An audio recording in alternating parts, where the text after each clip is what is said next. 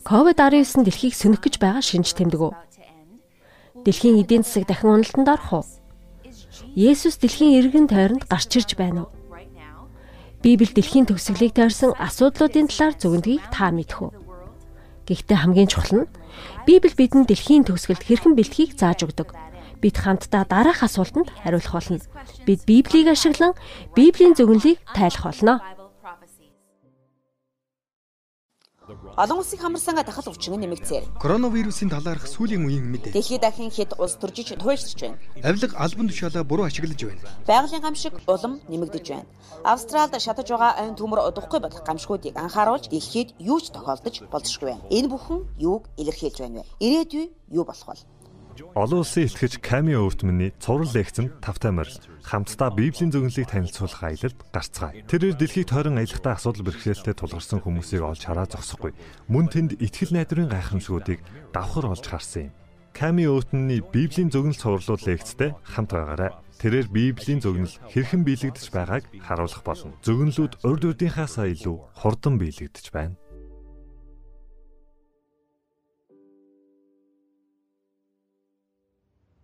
Сайн уу? Би Ками Отмин байна. Библийн зөвнөлийг тайлах хичээлд дахин тавтаа морилно. Хамтдаа сэтгэл хөдлөм аялал хийж Библийн чухал зөвнөлүүдийг судалцгаая. Өчигдөр бид Эртний хаан Небухадназарт Бурханаас түүнд өгсөн зүүд дэлхийн томоохон гүрнүүдийн уналт сэргэлтийн талаарх зөвнөлийг судалсан. Есүс дэлхийн төгсгөл хэрхэн болох талаар зөвнөсөн. Түүнд итгэж болох уу? Мэдээж итгэж найдаж болно. Бурхан амлалтаа бүгдийг биелүүлдэг. Библиэд Бурхан дэлхийн төлөө санаа тавьдаг тухай хамгийн чухал нь тэр танд санаа тавьдгийг мэдүүлдэг байна. Өнгөрснөө харах үед Есүсээс суралцах үед түүний мэрэгэн сургаалыг сонсож дэлхийн төгсгөлийн шинж тэмдгүүдтэй танилцах юм бол түүний гайхамшигтай зааврыг үл тоож чадахгүй. Төгсгөлийн бүх чухал сэдвүүд байдаг. Танилцуулга хийхээс өмнө би Библийн зөвнөлийг тайлахад юу хэрэгтэй болох талаар хэлж өгье бид бүхэн та нарт гарын авалгуудыг санал болгож байна. Та доорх линкэн дээр дарах эсвэл Библийн зөвнөлийн нууцуд пэйж рүү орно. Та бүхэн лекцүүдийг үзэх боломжтой. Мөн бусдад ч хуваалцж болно. Хоёрдугаарт бид Библийн зөвнөлийг тайлахдаа сүнслэг байдлаар өсөх материалуудыг багтааж өгөхийг хүсэж байна. Тиймээс бид таныг манай онлайн Библийн хичээлд элсэсэ гэж урьж байна. Та эндээс илүү их мэдээлэл авах боломжтой. Библийн олон сэдвийг хамтдаа судална. 3 дугаарт эдгээр хичээлүүдийн үеэр та асуулт асууж болно. Бид Библийн багш нарыг бэлдсэн бөгөөд бид та бүхний асуултанд хариулахыг хүсэж байна. Доорх линкэн дээр дарна. Манай багийнхан тантай холбогдохдоо баяртай байх болно. Түүнчлэн видео чат хийх боломжтой байгааг анхаараарай. Бид тантай харилцахыг хүсэж байна. Бүгдээрээ хоёр дахь хичээлээ эхлэхээс өмнө хамтдаа залбирая. Тэнгэрлэг эцэг орчлонгийн хаан их эзэн минь бид өнөөдөр таны өмнө ирлээ би таны өгсөн тэмдгүүдийн талаар сурмаар байна. Ингэснээр бид урьдчилан бэлтгэх боломжтой болох юм. Бид айхгүй байж танд найдаж, улам гүнзгий итгэл найдвартай болж танд хайртай болохыг хүсэж байна. Их эзэн, би таны анхааруулгыг судлахыг хүсэж байна. Би танд хайртай бөгөөд таны хүнддэгдэг. Таны үгсийг тунгааж байгаа хүмүүс сонирхож байгаа асуултандаа хариулт авч танд итгэж, таны ариун үгнээс итгэл найдварыг мэдрэх болтугай. Есүс Христийн ариун хүчрхэг нэрээр залбирлаа. Амен. Хүн төрлөختөн хөл хорионд орлоо. Дэлхий цар тахалд нэрвэгдлээ. Энэ бол урд өмнө болж байгаагүй зүйл. Олон хүмүүс айж, хайртай хүмүүсийн төлөө санаа зовж байна.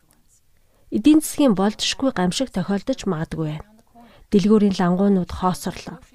Та хүссэн зүйлээ худалдаж авч чадахгүй ч байж магадгүй. Ирээдүйд юу болох вэ? Гэж та айж байж магадгүй. Бидний оюунхан олон асуултын хариултыг хүсэж байна. Эдийн засаг нурах уу? Би хоолтой байж гэр бүлээ орон байртай байлгаж чадах уу? COVID-19 вакциныг хурдан гаргаж авч чадах уу? Бид дэлхийн эргэн тойронд болж байгааг ажиглах юм бол олон хүмүүс гайхаж сандарч твцсэн байна. Бүх газар нутаг янз бүрийн соёлтой хүмүүс улам их төгшөж байна. Тэд ирээдүгэ бодоод маш их санаа зовж байна. Тэд одоо юу болох вэ гэж гайхаж байна. Библийн зөвнөл Бурхны төлөвлөө тодорхой харуулдаг. Энэ цувралынхаа урайг санацгаая. Хэрв Библи бичигдсэн бол итгэе. Хэрв Библиэд нийцэхгүй бол даахгүй. Илчилт ном Есүсийн гайхамшигтай эрэлтээр эхэлж мөн төгсдөг. Илчлэлт 1:7 дээр харагтун тэр үүс хөлгөлөн ирж байна. Бүх нүд түүнийг харах болно. Цовдлогдсон хүмүүс хүртэл түүнийг харна. Дэлхийн бүх овг аймагуд түүнээс болж гашуудах болно. Таны хүсэл биелэг. Амен. Илчлэлт бидний анхаарлыг дээшээ тэнгэр рүү хандуулдаг биднийг энэ дэлхийн асуудлуудаас холдуулж байдаг бөгөөд Есүсийг асуудал шийдэгч гэж танилцуулдаг. Илчилт намын сүүлийн бүлэгт биднийг Есүсийн эрэлттэй хэр ойр байгааг харуулж өгдөг. Илчлэлт 22-ын 20 дээр зөвгөнлийг гэрчилсэн нэгэн. Мэдээж би хурдан ирнэ. Амен. Эзэн Есүсээ ирээрэй гэж хэлсэн. Илчлэлт 22 дээр Есүс 3 удаа би хурдан ирнэ гэж хэлсэн. Тэр биднийг хамгийн агуу үйл явдал бэлтгэлтэй байхыг хүсдэг. Есүс хэр удаж байж ирэх бол гэж та гайхаж байж болох юм. Есүсийн шавнар түүнийг ирээсэй гэж хүсдэг. Тэд Матай 24-ийн 3 дээр эрэх шинж тэмдэгтэй нь юу байх вэ? Дэлхийн төгсгөлд юу болох вэ гэж асуусан. 24-р бүлэгт Есүс 20 шинж тэмдгийг таймлан харуулсан. Энэ сэтгэл хөдлөн биш гэж үү? Тэр бидэнд маш их хайртай гэдгийг урдчлан мэдүүлсэн. Тиймээс зармийг нь үзье. Есүс маш чадварлагаар дэлхийн төгсгөлтэй холбоотой үйл явдлуудыг танилцуулахдаа манай эртний 70 онд болох Иерусалимийн сүрлийг зөгнсөн. Энэ үйл явдал дэлхийн төгсгөлтэй төстэй байв. Тэрээр дахин ирэх шинж тэмдгүүдийг урьдчилан зөгнөж дэлхийн шашны нөхцөл байдлуудыг улс төрийн талбар, байгалийн нөхцөл байдал, нийгмийн байдлыг зөгнөв. Эдгээрээс эхнийх нь шашны шинж тэмдгүүд байв. Матай 24:24 дээрээс Есүсийн анхааруулгыг харцгаая. Хуурамч Христүүд болон хуурамч иш үзүүлэгчд гарч ирнэ гэв. Агуу тэмдгүүд ба гайхамшгууд бий болно. Есүс дахин ирэхээс өмнө хуурамч багш нар маш ихээр гарч ирнэ. Шашны удирдагчдаас ахуулан хүмүүсийг төрөлдүүлэгчд олноор гарч ирнэ. Тэд Бурхны үгнээс зөрөх шинж тэмдгүүдтэй байх болно. Бүх гайхамшигыг Бурхан үлдэхгүй. Библи заадаг муу ярын сүнснүүд гайхамшиг үлдэж чаддаг. Илчлэлт 16-гийн 14-ийг үзье. Тэд бол чөтгөрийн сүнснүүд. Тэд дэлхийн хаадуудыг алмааруулах шинж тэмдгүүдийг үзүүлнэ. Бүх ертөнцийг мэгтлэнэ. Агуу өдөр хүмүүсийг тэмцэлдүүлэхээр цуглуулах болно. Тэд төгс хүчит бурхныг эсэргүүцнэ. Эдгээр хурамч багш нар гайхамшиг үлддэг хэмээн хүмүүсийн анхаарлыг татна. Тэд ингэж хүч чадлаа нотлох гэж оролдоно. Ингэснээр тэдний заадаг бүх зүйл та итгэх болно гэвч эдгээр шинж тэмдгүүдийг чөтгөр үлдэх болно. Хүмүүсийг хуурах гайхамшгууд нь хурам эхлэх ажиллагаа юм. Тэд бодит юм шиг байлгах тусам илүү үр дүнтэйгээр хурам эхлэх болно. Тийм ч учраас бид Библиэд сайн танилцах ёстой. Ингэснээр өөрийгөө найз нөхдөө аврах болно. Шашны багш нараас болгоомжлоорой. Библиэс холдуулж байгаа бүхнээс хол байгаарай. Библийн жинхэнэ үнэн багш ямар зарчимтай байх тухай юу гэж заадаг вэ? 1-р Иохан 2-ын 4-дээр би түүнийг мэднэ гэж хэлдэг хүн тушаалыг нь сахитгүй бол тэр бол худалж үнэн түнд байхгүй. Жинхэнэ үнэн багш тушаалуудыг сахих болно. Үннийг ярих болно. Тиймээс болгоомжтой байгаарай. Хүмүүс гайхамшигыг үлддэг ч гэсэн өвчтэйг эдгээсэн ч гэсэн Библийн сургаалыг эсэргүүцэх юм бол та Библи рүү хандаарай. Тийм ч учраас бид Библийн текстийг дэлгэцэн дээрээ танилцуулж байгаа.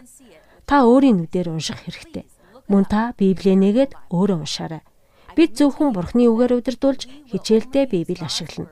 Та Библийг бие даан судлаарай. Намайг хэлсэнгээ шууд битгий хүлээж аваарай. Таны итгэдэг зүйлтэй нь үнэн эсхийг тодорхой болгоорой. Их эзэн үгээ альцсан. Шашныг удирдах хурамч багш нар дэлхийн эргэн тойронд гарч ирж байгааг бид харж байна.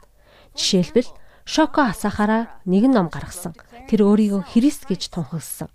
Тэрээр өөрийгөө Японы бүрэн гэгэрсэн багш гэж зарласан. Тэрээр өөрийгөө Бурхны хураг гэж нэрлсэн. Асахараа сүнслэг хүчийг хүмүүс шилжүүлэн өгч чадвартай гэж хэлсэн. Тэрээр дагалдагч нарынхаа гимнүглийг арилгаж мөн үүлийн үрийг алга болгож чадна гэж хэлсэн.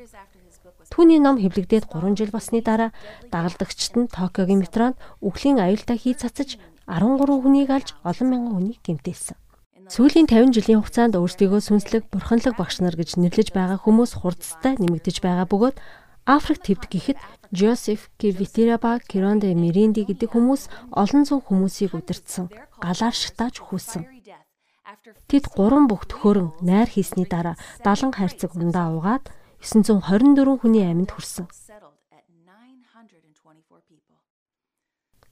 Есүс анхааруулга өгч төгсгөлийн үед ид шидэнд сонирхогчд маш их болно гэж хэлсэн. Ер бусын үзэгдлүүдэд татагдах болно. Ид шид, мэрэг төлгийн тухай номууд олон саяар зарагдаж байна. Алдартай кинонууд бүгд ер бусын ид шидийг үзүүлж байна. Хит, ТV шоу, тоо томшгүй интернет сайтууд ид шидийг сурчилж байна. Маш их хүмүүс мэрэглүүлж байна. Тэд зурхаач далдыг үздэг хүмүүст хандаж байна. Зөвхөрөнгөө барсан хүмүүст хариулт хайж байна Тэд одоос хариулт олж чадахгүй. Бид хуурамч Христ иш үзүүлэгчдийг олноор харах болно. Энэ бол эцсийн өдрийн шинж тэмдэг юм. Одоо Матай 24-ийн 6-7-г уншийе. Есүс та нар дайны тухай цуурхас сонсох болно. Үндэстэн үндэсний эсрэг босож хаан тус хаан тусаа эсэргүүцнэ. Есүс төгсгөл болохоос өмнө дэлхийг хамарсан олон улсын зөрчил үүснэ гэж зөвнөсөн. Өөрөөр хэлбэл дэлхий дээр дайн болно гэсэн үг. Өнгөрсөн зууныг анхаарч үзье. Өнгөрсөн зуун хамгийн их цус асгаруулсан зуун байв. Нэгэн социологч 20 дугаар зуунд 180 сая хүн нас барсан. Энэ бол зөвхөн дайнаас үүдсэн гамшиг. 21 дугаар зуунд дэлхий дээр маш олон дэлхийн хэмжээний зөрчилдөөн үүссэн. Ирак, Афганистан, Украин, Йемен, Сир улсуудад дайн тулаан болсоор байна. Дайн гарах үед маш их сүрэл болж байна. Бид эргэлзэж, уймж, самурч байна. Дэлхийн улс орнуудын хүмүүс итгэл найдварыг эрен хайж байна. Аврагч Христэд л цорын ганц бодит найдвар байдаг. Та дэлхийн хаан амьдарч байгаа нь чухал биш юм. Хүмүүс инх тайвныг хүсэж байна. Жинхэнэ амар амгалан тогтооход маш хэцүү болж байна. Библиэд хүний бүх орлогоодыг зөгнсөн байдаг. Дэлхийг инх тайван болгоно гэдэг бүтлгүүцсээр байна. 1-р Тесалоник 5:3 дээр Илч Паул нөхцөл байдлыг тайлбарлан хүмүүс инх тайван аюулгүй байдал гэж хэлэх үед гинтийн сүрэл тэдэн дээр ирнэ. Тэд зогтож чадахгүй. Инхийн гэрээ байгуулснаар дайн дуусна гэж үзсэн. Инхүү Версалийн гэрээг 1919 оны 6 сарын 28-ны өдөр байгуулсан. Олон үндэстнүүд нэгдсэн ч гэрээ бүтлгүйцсэн. Ийхүү удалгүй түүхэнд хамгийн аимшигтай дэлхийн 2 дугаар дайн эхэлсэн. Дараа нь дэлхийн хүмүүс 1945 онд нэгдсэн үндэсний байгууллагыг үүсгэсэн. Гэвч сансан хүчин чармаалт нь бас л бүтлгүйтсэн. Дэлхий дээр инх тайван бий болоогүй. Дайн тулаан дэлхийг үргэлжлүүлэн нөмөрсөөр байв гагцгүй бурхны үг үнэн бөгөөд зөв юм. Библи бидний үеийн тухай өгүүлдэг. Хүн төрлөختн түүхэндээ урд өмнө өөрийгөө устгах чадвартай байгаагүй. Есүс дахин ирэхэд хүн төрлөختн дэлхийг бүгд нь устгах чадвартай болсон байна. Хүн төрлөختн 100 жилийн өмнө ийм чадвартай байсан уу? Үгүй. Өнөөдөр би цөмийн зэвсгээр дэлхийн хүн амыг олон удаа устгах боломжтой болсон. Есүсийн амлалтанд дэлхийн ертөнц айдас давтахад тэр хөндлөнгөөс оролцож биднийг хамгаална гэж амласан. Луг 21-ийн 26 дээр хүний зүрх сэтгэл айдас давтаж итгэл найдваргүй болно. Мөн дэлхий тохиолдох зүйлсийн хүлээлт болох гэж байгаа зүйлс Тэнгэрийн хүчнөөч гэсэн сэгсрэгдэх болно. Дэлхийн төгсгөл ойртох үед айдас зүрх сэтгэлийг тань эзэмдэх үед та Есүс рүү харах хэрэгтэй. Учир нь тэр бол амар тайвныг тогтоогч юм. Дэлхийн түүх төгсгөл рүүгээ ойртож байна. Есүс энэ дэлхийгээс хараагаа салга бурханлаг бодит байдалд анхаар гэж хэлсэн. Тэр би буцах гэж байна гэж хэлсэн. Библийн зөвнөлийг тайлах үед найдвар байгааг мэдэх болно. Бид шашин улс төрийн шинж тэмдгийг судаллаа. Тэгвэл одоо Библиэлд байгаль ямар шинж тэмдэг гарах талаар судалцгаая. Библи байгаль хяналтаас гарна гэж өгүүлдэг. Есүсийг ирэхээс өмнө маш их хар салхи, гал төмөр, үер, аюул тахал бий болно. Бид эдгээрийг төсөөлж чадахгүй. Эдгээр гамшгуудаас үүдэн дэлхий даяар өсөглөн ган гачиг бий болно гэж Библи зөвгөндөг. Матай 24:7 дээр өсөглөн тахал газар хөдөл хаасайгүй болно гэсэн байдаг. Бид үргэлжлэн өсөглөн бас өсөглөн хүүхдүүд байсаар ирснийг мэддэг. Гэвч төгсгөлийн үед энэ байдал улам дамжирна. Олон улсын хэмжээнд урд дүмэн байгаагүй их хэмжээний гамшиг бий болно. Дэлхийн хүнсний хөтөлбөр дурдсанаар 2019 оны эцээр 135 сая хүн хурц өсөглөнд нэрвэгдсэн байна.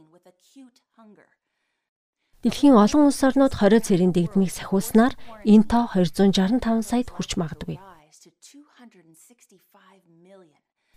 Энэ нийтлэлд хүнс бол титэн вирусээс өмнө асуудал байсан гэж өгүүлсэн байлаа. 2020 онд хүмүүнлэгийн хамгийн хүнд хямрал нөөрлөнө. Дэлхийн 2 дугаар дайнаас хойш болсон хамгийн хүнд хямрал байх болно. Коронавирусын улмаас дэлхийд даяар хүмүүс нас барж хүнсний хэрэгцээ өссөөр байх болно гэж дэлхийн хүнсний хөтөлбөрөөс анхааруулсан дэлхий болзошгүй өсөглөнгийн цар тахалтай нүүр тулах гэж байна. Хоол хүнс хэрэгцээтэй байгаа энэ жил хүнсний хэрэгцээ бараг 2 дахин нэмэгдэж магадгүй байна.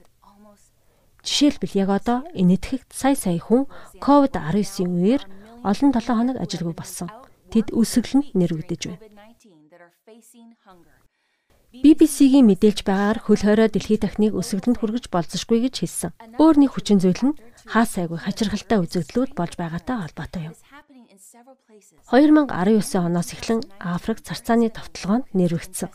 Арабын хойг өмнөд Азчид л нэрвэгдэж байна. Цөлийн царцааны дэгдэлт орон нутгуудын хоол хүнс нь занал хийлж байна.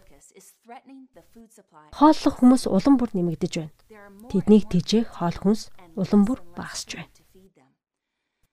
Бид бүхнийг наривчлалтаа харж байна. Библиэд урьдчилан таамагласан бүхэн биелж байна. Матай 24-ийн 7-ыг дахин авч үзье энд өсөглөн тахал бий болно гэж зөгнсөн.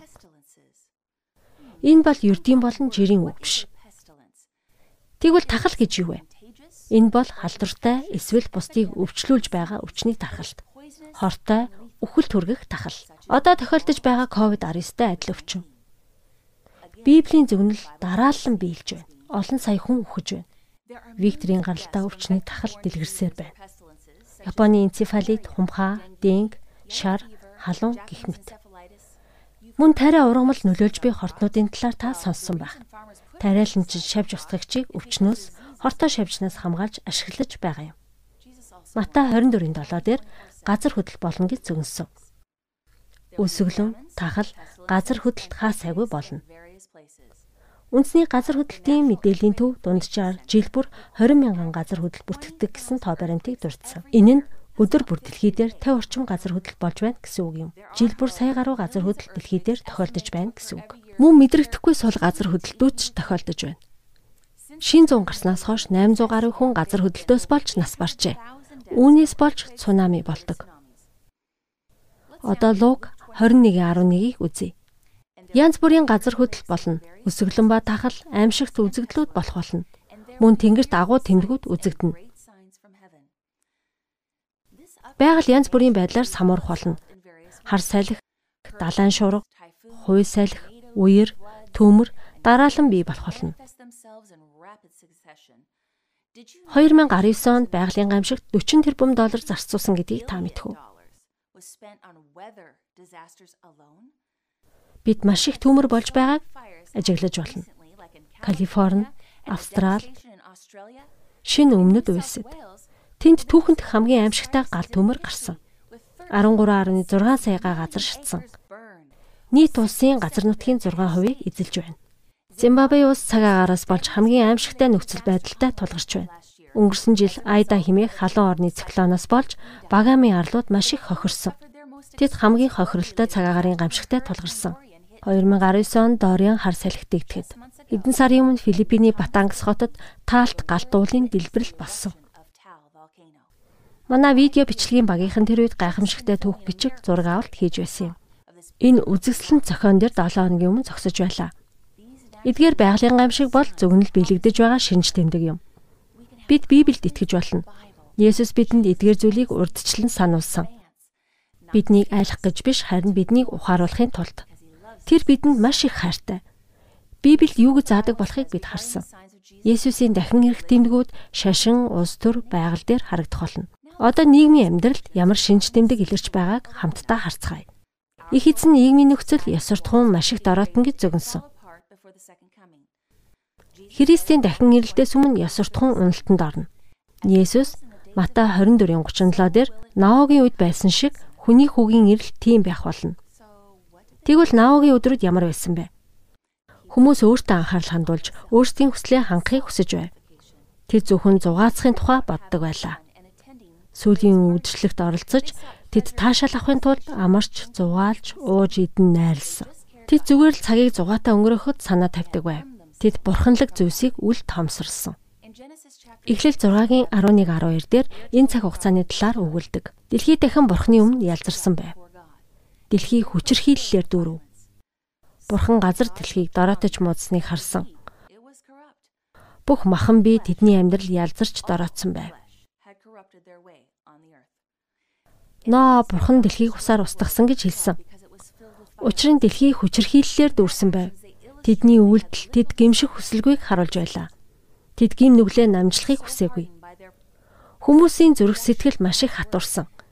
Тэд бурхны үгийг тууштайгаар эсэргүүцсэн. Тэд сүнслэг зүйлсээс хүндий байсан. Тэд ер бусын гайхамшигыг хараад амьтдыг хөөгч авдарт төгс зохион байгуулалтаагаар орохыг хараад тэдний зүрх өөрчлөгдөөгүй. Зөвхөн богино хугацаанд бурхны тэмдгийг хараад сэтгэлдээ сүрдсэн. Тэд амьдрал нь төгсгөл болж байгааг мэдэрсэн. Найзуудаа, Наогийн үеийнхэн шиг зүрх сэтгэлээ хатууруулахгүй байцгаая. Та тэмдгүүдийг харж байна уу? Энгийн ажиглагчид хүртэл өнгөрсөн жил, өнгөрсөн сар хүн төрлөختний түүхэнд хамгийн чухал үе болж байгааг мэдэрсэн. Ямар нэгэн зүйл болох гэж байна. Хүн бүр үнийг мэдэрч байна. Найзуудаа, эзэн удахгүй ирэх гэж байна уу? Тийм ээ. Тэрээр ирэх гэж байна. Бид ноо шиг байх юм бол аврагдах болно. Тэрээр ямар цагт амьдарч байгаагаа мэдэрсэн. Түүний гэр бүлийнхэн бурхны үгийг дагсан. Тэд хөөгч авдарт орсон. Библиэд эдийн засгийн тодорхойгүй байдлыг зөгндөг эцсийн өдрүүдийн тэмдгийг зөгнсөн. Яков 5:1-ээс 3 тайлбарснаар баячуудаа одоо ир, уйл, орил чам дээр зовлон бууж ирж байна. Эд баялагтай таныг завхааруулжээ. Хувцсыг тань ирвэхээ идэж байна. Алт мөнгөтэй зэвэрч, эвэрсэн эд хөрөнгөтэй таны эсрэг гიშ болно. Махыг чинь гал шиг идэх болно. Та эцсийн өдрүүдэд зориулан эрдэнэс хураажээ. Илчлэлт 18:17 дээр нэгэн цагийн дотор агуу хүсэл чинь хоосорно сүүлийн хэдэн сарын дотор хөрөнгийн биржүүдийн хөрөнгө үн цэнэгүй болохыг харлаа. Есүс ирж байна. Зөвнлүүд биелж байна. Өнөөдөр нүдэн дээр минь биелж байна. Гэхдээ өөр нэг тэмдэг өгөгдсөн ямар ч эргэлзээгүйгээр би дэлхийн түүхийн төгсгөлийн цаг үед амьдарч байгааг гэрчлэн харуулж байна. Энэ юу вэ? Есүсийн танилцуулсан эцсийн тэмдэг Матай 24 дээр байдаг. Сайн мэдээ дэлхий дахин номлогдох болно. Матай 24-ийн 14 дээр энэ тухай гардаг. Би энэ ишлэлд их дуртай. Хаан тусын талаарх энэхүү сайн мэдээ дэлхийд даяар тунхаглагдах болно. Бүх үндэстнүүдийн гэрчлэл болж тэгээд төгсгөл ирнэ. Ишлэлт 14-ийн 6 дээр дараа нь би өөрний тэнгэр элчийг тэнгэрийн дундуур нисхийг харав. Түүнд мөнхийн сайн мэдээ байх бөгөөд бүх дэлхийн оршин суугчдад үндэстнүүдэд сайн мэдээг номлоно. Бүх овг хилтэн хүмүүст тунхаглагдана. Би дэлхийгээр айлж гайхамшигтай түүхүүдийг баримтжуулдаг би дэлхийн хамгийн азлагдсан газруудаар явж бурхан өөрчлөгдөх боломжгүй мэд хүмүүсийг өөрчлөхийг нүдээр харсан. Ийм зүйлс яг одоо тохиолдсоор байна. Энэ цуврал хичээлийг үзэж байгаа хүмүүс энэ агуу зөвнөлийн нэг хэсэг нь юм. Таныг сайн мэдээний энэ мэдээг сонсож байхад дэлхийн бүх зүгт энэ мэдээ цацагдж байгаа. Би ажиллаараа дамжуулан бурхан хэнийг ч ялгадаггүй гэдгийг хардаг. Түүнд хил хязгаар хязгаарлалт гэж үгүй. Тэгвэл энэ юу гэсэн үг вэ? Надтай хамт Филиппиний арлуудаар аялцгаая. Би террорист бүлгийнхэнтэй уулзсан. Тэд ууланд бүгдэг. Сүүлийн 49 жилийн хугацаанд тэд эдгээр газруудад хяналтаа тавьсан юм. Тэд байнга дайн тулаан өдөөдөг. Тэд өөрсдийгөө шин ардын нам гэж нэрлэдэг. Эдгээр эрэгтэй эмэгтэй хүмүүс засгийн газрыг унахыг зорддог. Тэдний өдөөсөн дайнд 40 мянга гаруй орон нутгийн иргэд ам өргөцсөн. Тэд засгийн газрын цэргүүдтэй тулалддаг. Эдгээр уулын уугуул иргэд уламжлалт шүтлэгтэй байсан. Гэр бүлөө зөвхөн 3 хүүхэд төрүүлдэг. Хэрэг дөрөвд хүүхэд төрөх юм бол хүүхдийг тэр дор нь амьдаар нь оршуулдаг. Энд 13 настай охтыг нөхөрт гаргадаг. Тэднийг алавдан гэрлүүлдэг байна. Ирчүүд 400 Филиппин мөнгөөр ихнэр авч болно. Энэ нь ойролцоогоор 8 доллар гэсэн үг. Эдгээр хүмүүст Есүс хэрэгтэй. Тэд нарт түүний авралын зарчмууд хэрэгтэй. 3 хүрэхгүй жилийн өмнө Адвентист радио Библийн мэдээг цацаж эхэлсэн. Далайн эргийн хотуудаас хамгийн өндөр уул хүртэл мэдээ төгссөн. Босогчдын зарим нь Христийн тухай мэдээг сонсож сонирхож эхлэв. Тэд Есүсийн хайрын түүхийг сонсоод зүрх сэтгэл нь зөөлрсөн. Дээд командлагчдын нэг нь дөрвөн цэргээ явуулаад радио нэвтрүүлэгчийг аслагдсан хуарандаа урьсан юм. Цэргүүд тушаалыг нь биелүүлсэн. Тэд үүнээс Есүс ба Библийн тухай асуулт асуусан. Бодлого Библийн ажилчдыг илгээв. Тэд ширэнгэн ойд олон хүмүүстэй хамт Библийг судалсан. Бурхны үнэн 118 гаруй тосхонд хурдан тархав. Энэ үнэхээр гайхалтай биш гэж үү? Манай баг үүнийг гэрчилсэн. Босогчдоос 60 цэрэг баптизмын ёслол хүртсэн юм. Дээд тушаалын 5 генерал бол дөнгөж эхлэл нь байлаа. Түүнээс хойш хэдэн зуун хүн итгэгч болсон. Эдгээр террористууд AK47 буугаа орхисон. Тэд оронд нь Библи мөнхийн амийг хүлээн авсан. Олонхон шинэ ажил мэрэгжил эзэмссэн. Тэд тариалан эрхлэх, ногоо зарах гэх мэт ажил эрхэлж эхэлсэн. Манай видео багийнхан хид хідэн хүний түүхийг хэлсэн буулгах боломж гарсан юм. Мөн тэдний түүхийг богино хугацаанд баримтат кино болгосон. Би нэгээс нь та нартай хуваалцъя. Түүнийг Даниэл гэдэг түүний аав босогчдын командлагч байсан. Түүний аавгаах үеэлүүд цэргүүтээ нэгдсэн. Даниэл цолтой бол цэргийн амьдралаас өөр юу ч мэддэггүй байв. Тэр 13 настайдаа хүн хороож үдсэн байна. Удалгүй түнд цол өгсөн юм. Тэрээр босогчдын цаазын ялыг гүйцэтгэгч болсон. Тэр хүн хорохдоо үнэхээр чадвартай болж байв. Яванда тэргүүлэгч цолтой болж Филиппин даяар нэр нь алдарсан. Тэр хідэн хүн хороосноо тоолж чадахгүй болсон байв. Ус төрчид, цэргүүд, цагдаа нар гэд олон хүнийг хоров. Мөн орон нутгийн гинт хэрэгтнүүдийг хороожээ. Тэр хүн хороох тусам мэдрэмжгүй болж байлаа. Тэр тэдний царайг хизээч санахыг хүсдэггүй. Нэгэн өдөр тэрээр Христийн сүмийн пастрыг хороох тушаал авчээ. Даниэл пастрыг хулгайлаад ширэнгэн тусгаарлав. Пастор амийг өршөөхийг гуйж байв. Хэдийгээр Даниэл сэтгэл нь өвдсөн ч тэр хүний ээлдэг царайг харсан ч гохоод арсан байна. Даниэл цаазаар алах тушаалыг үргэлж биелүүлдэг байв. Тэрээр ажлаа маш сайн гүйцэтгэдгээрээ алдартай байлаа. Гэхдээ Даниэл пастрын царайг мартаж чадахгүй байсан юм. Пастрын царай түүнийг зовоож байлаа. Тэр тайвширч чадахгүй байв. Босогчд нуувчнасаа гарч гэрлөгөө 3 өдрийн чулуу авч явж болдог байв. 2 сар тутамд ийм боломжийг өгдөг байлаа. Тиймээс Даниэл гэртээ ороход радио чанга дуугарч байхыг сонсов. Түүний эхнэр хүүхдүүд радиогоор Библийн хичээл сонсож байлаа. Тэр Адвентист радио гэдгийг мэдсэн юм. Тэрээр бусад босогчид энэ радиог сонсож байгааг мэддэг байв. Тэрээр байлтгаа болж баптизм хүртсэн. Энэ бол түүний сонсон анхны нэвтрүүлэг байв. Даниэл хайраар дүүрэн аврагчийн тухай сонссон. Тэрээр 99 хоноо орхиод алдагдсан нэг хүний төлөө явсан. Даниэлийн зүрх сэтгэл догтлов. Тэр мөчид тэрээр өөрийгөө төөрсөн хань гэдгийг ойлгосон юм.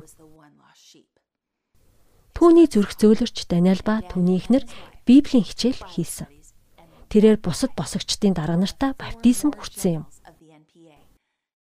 Даниэл одоо Есүсийг хүмүүст хуваалцахад хүчин зүтгэж байгаа. Олон мянган босогч цэргүүд ширэнгэн ойд илүү сайхан амар амгалангаар дүүрэн амьдралтай байх боломжтой болсон. Тэрээр мөнхийн амьдралын итгэл найдвартай болсон. Матай 24-ийн 14 дээрх зөвнөл бодтойгоор биелэгдэж байна. Бурхны хаант улсын сайн мэдээ дэлхийд даяар номлогдох болно. Одоо Замби руу аялцгаая. Африкийн өмнөд хэсгийн энэ оронд манай гурван зураглаач очив юм. Тэд чанга дэглэмтэй хорих ангид орсон. Энэ бол хамгийн чанга дэглэмтэй шорон. Биднийг ормогц харуулууд камерыг маань хурааж авсан. Тэгээд биднийг төр саатуулах хүрээнд оруулсан юм. Жижүүрээд биднийг урагцсан гэдгийг мдээгүй байлаа хэвлэлийнхнийг оруулж болтгүй гэсэн дүрмтэй байсан юм. Тэд хизээч бичлэг хийх зөвшөөрлөгч байгаагүй ажээ. Гэхдээ тэд биднийг Адвентист радиогоос явааг сонсоод биднийг шорон руу оруулсан юм. Энэ бол өмнө хизээч тохиолдож байгаагүй зүйл. Бурхан сайн мэдээг тунхаглах арга замыг бий болгодог. Сайн мэдээ хориглуудад хүрч эхэлсэн. Радио долгион шоронгийнханд цацагдж байна. Энэ шоронд дунджаар 2400 хоригдол байдаг. Тэдний 1150 гаруй баптизм хүртсэн. Та хүнд итгэж байна уу? Цаазаар авах яс сонссон 250 хоригдлын дотроос 50 гаруй хүн Есүсийг хүлээн авсан юм. Маш олон хоригдлууд Библиэд итгэдэг болсон байна. Тэд Есүсийг хайрладаг амар тайвныг хүлээн авсан Христэд итгэгчид. Тэд Есүст итгэж найдаж байна. Замби улсын ерөнхий прокурор хүртэл талархлаа илэрхийлэхээр бидэнтэй уулзсан. Адвентист радио шоронгийн уур амьсгалыг өөрчилсөн. Есүс хүмүүсийг өөрчилж чадна. Халелуя. Бурхан үнэхээр гайхалтай биш гэж үү? Тэр хамгийн аврагдах боломжгүй хүмүүсийг аварч байна. Дэлхийн хамгийн хол харанхуй өнцөг болонд Есүс хүмүүсийг аварч байна. Загалмаа дээр цовлуулж байсан хулгайч шиг тэр мөнх амьдралыг сонгож тэр сонголтуудаа хийдэг, тэрээр гинт хэрэгтэн шийтгүүлэх ёстой гэдгээ мэдэж байсан. Гисэн хэдий ч түүний хажууд байгаа Есүс маш тайван ээлдэг байсан. Тэр хавчигчдийн төлөө залбирч байсан. Ийхүү Есүсийн хажууд цовдлогдож байсан хулгайч итгэсэн. Есүс бол Бурхны хүү байсан. Хулгайч намайг авралтаа багтаагач гэж гуйхад Есүс хулгайчид аврагдах болно гэж хэлсэн. Тэр мөчөд хулгайч авралын найдвартаагаар нас барсан. Үүнтэй адил итгэл найдварыг цаазаар авах яс сонсон эдгээр хоригдлуудад бид Замби дахь шоронд зочлохтой өгөхийн тулд Адвентист радиогийнхан 1070 гаруй сайн мэдээний үйл ажиллагааг улс орон даяар зохион байгуулсан юм. Эдгээрийн мянгад нь нийслэл Лукасад хийсэн. Өмнө нь ийм тохиолдол гарч байгаагүй.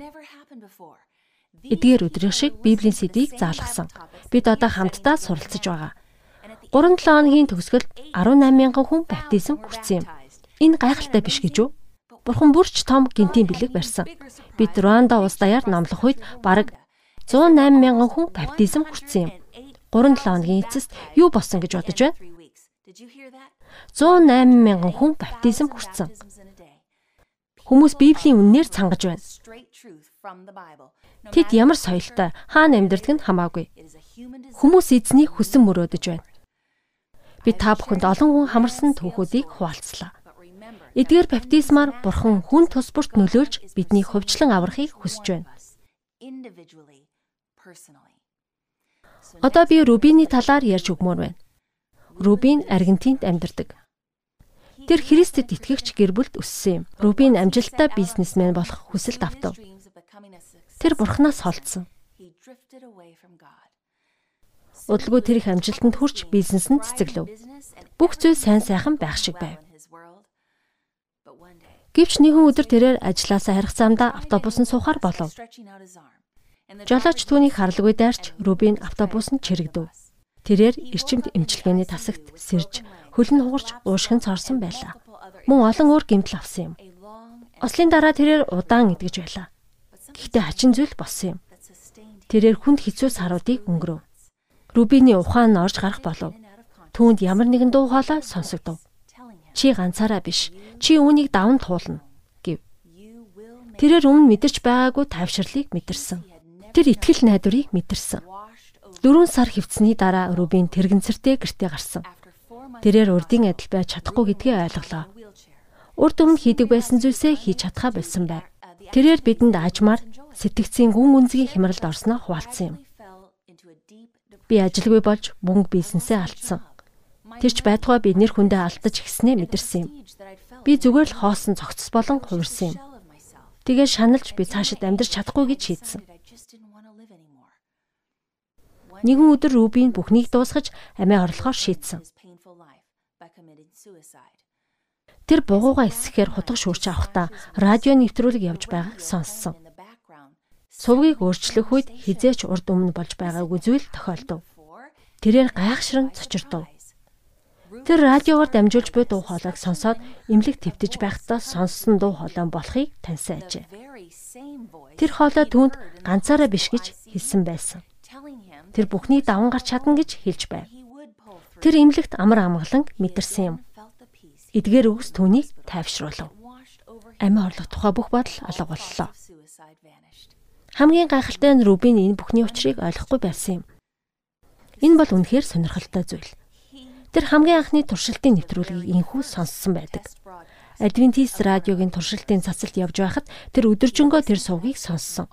Дараа өдөр нь үргэлжлүүлэн сонссон. Түүний сонссон үгс зүрх сэтгэлийг нь хүндсэн. Рубин үннийг мэдэх хүсэлтэд шатаж эхэлсэн юм. Өнөөдөр Рубин бүрэн эдгэрсэн. Тэрээр орон нутгийнхаа сүмд идэвхтэй ажилдаг болсон. 7 хоног бүр Библи судлах бүлэг удирдна. Хамгийн сайхан зүйл нь тэр өдөржин алхдаг болов. Тэр дахиж хизээч алхаж чадахгүй гэж бодож байсан юм. Есүсийн авралын сайн мэдээг хуваалцаж байна. Найзуудаа, сайн мэдээ нь бүх саад бэрхшээлийг даван туулдаг юм. Радио, телевиз болон интернетээр. Олон хүмүүс утсаараа текст хүлээн авч байна. Библийн мэдээ гар утсан дээр нь ирж байна. Бурхан боломжтой бүх аргаар хүмүүст хүрч байна. Аслагдсан тосхноос үржил шимгүү цүл хүртэл чинэлэг байшин хаалттай хороолуудад шоронгууд болон хотуудын өсвөр наснуудад эцсийн өдрүүдэд сайн мэдээ төгсөөр байна. Гайхалтай арга замуудаар сая сая хүмүүс хизээч байгаагүйгээр өдөөгдөж байна. Тэд цаг ойрцсныг мэдэрч байна. Цаг үе өөрчлөгдөж байна. Сая сая хүмүүс дэлхийн тодорхой бус байдлаас ирээдүйн сайн сайхан ертөнцийг эрэлхийлсээр байна. Олон хүн бүхнээ золиослон байж сайн мэдээг дэлхийн аслагдсан бүс нутагт түгээж байна. Бурхан бүхнийг удирдах байгаа. Тэрээр онцгой зүйлсийг хийж байгаа. Тэр зөвнөлийг биелүүлж байгаа. Бид Бурханы хаант улсын босгон дээр байна. Есүсийн Матай 24 дээр зөвгөнсөн шинж тэмдгүүд биелэгдэж байна. Нөхцөл байдал илүү ноцтой болсоор байна. Шүн дундын цаг болж байна. Бурхан түүнийг буцаж ирэхэд бэлэн байхыг уриалж байна. Есүсийн шавнартаа хэлсэн сүүлчийн үгс Тэнгэрт өргөгдөхөөс өмнө бид та нарыг орхих ёстой боллоо. Гэхдээ үрд биш. Нэг өдөр би эргэж ирнэ. Гэхдээ ирэхээс өмнө дэлхий сүрч төгсөж байгаа мэт санагдах болно. Үндэстнүүд уур бухимдалд автах болно. Дайн болж байгаль нь сүрэх шиг болно. Газар хөдлөлтийн хүч нэмэгдэх болно. Галдварт өвчний дэгдэл гарах болно. Тархалтын хувь хэмжээ өснө. Эдгээр зүйлүүд хэрэгжиж эхлэхэд хүмүүсийн дийлэнх нь айдас давтах болно. Гэхдээ миний дагалдагчид айх шаардлагагүй. Энэ бүхэн эхлэхэд аврагдах цаг ойрцсон гэдгийг санаарай. Есүс харах тун би үргэлж та нартай хамт байна. Дэлхийн төгсгөл хүртэл хамт байна. Би чамд хайртай гэдгийг бити мартаарай.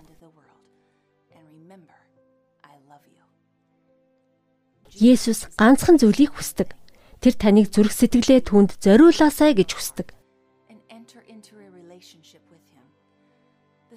Түүнтэй харилцаа тогтоо. Есүс дахин ирж тантай уулзах болно. Яг одоо зүрх сэтгэлээ өргөхийг хүсэж байна уу? Та Есүст хандан Есүсээ би төгсгөлийн шинж тэмдгүүдийг харж байна. Та удахгүй ирэх нь тодорхой байна. Би таны эрэлтэнд бэлэн байхыг хүсэж байна.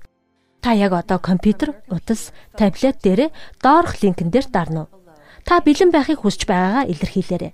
Зүрх сэтгэлээ түүнд өгөхийг хүсэж байгаагаа илэрхийлээрэй. Толгоогоо бүхийлгэн залбирцгаая.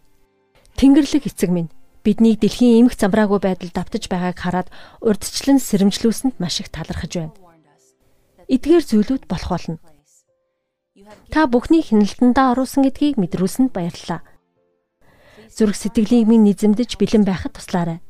Есүс та удахгүй ирнэ. Таны ариун нэрээр залбирлаа. Амен.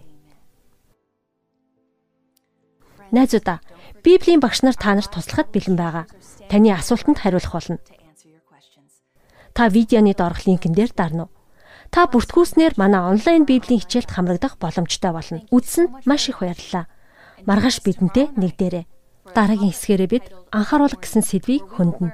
Би төгсгөлийн 3 тэнгэр элчийн мэдээ гэдэг сэдвийг ярилцах болно. Бурхан бидний үеийнхэнд юу гэж хэлж байгааг хамтдаа судлана. Та маргаашийн сэдвийг бүү алхасаарай.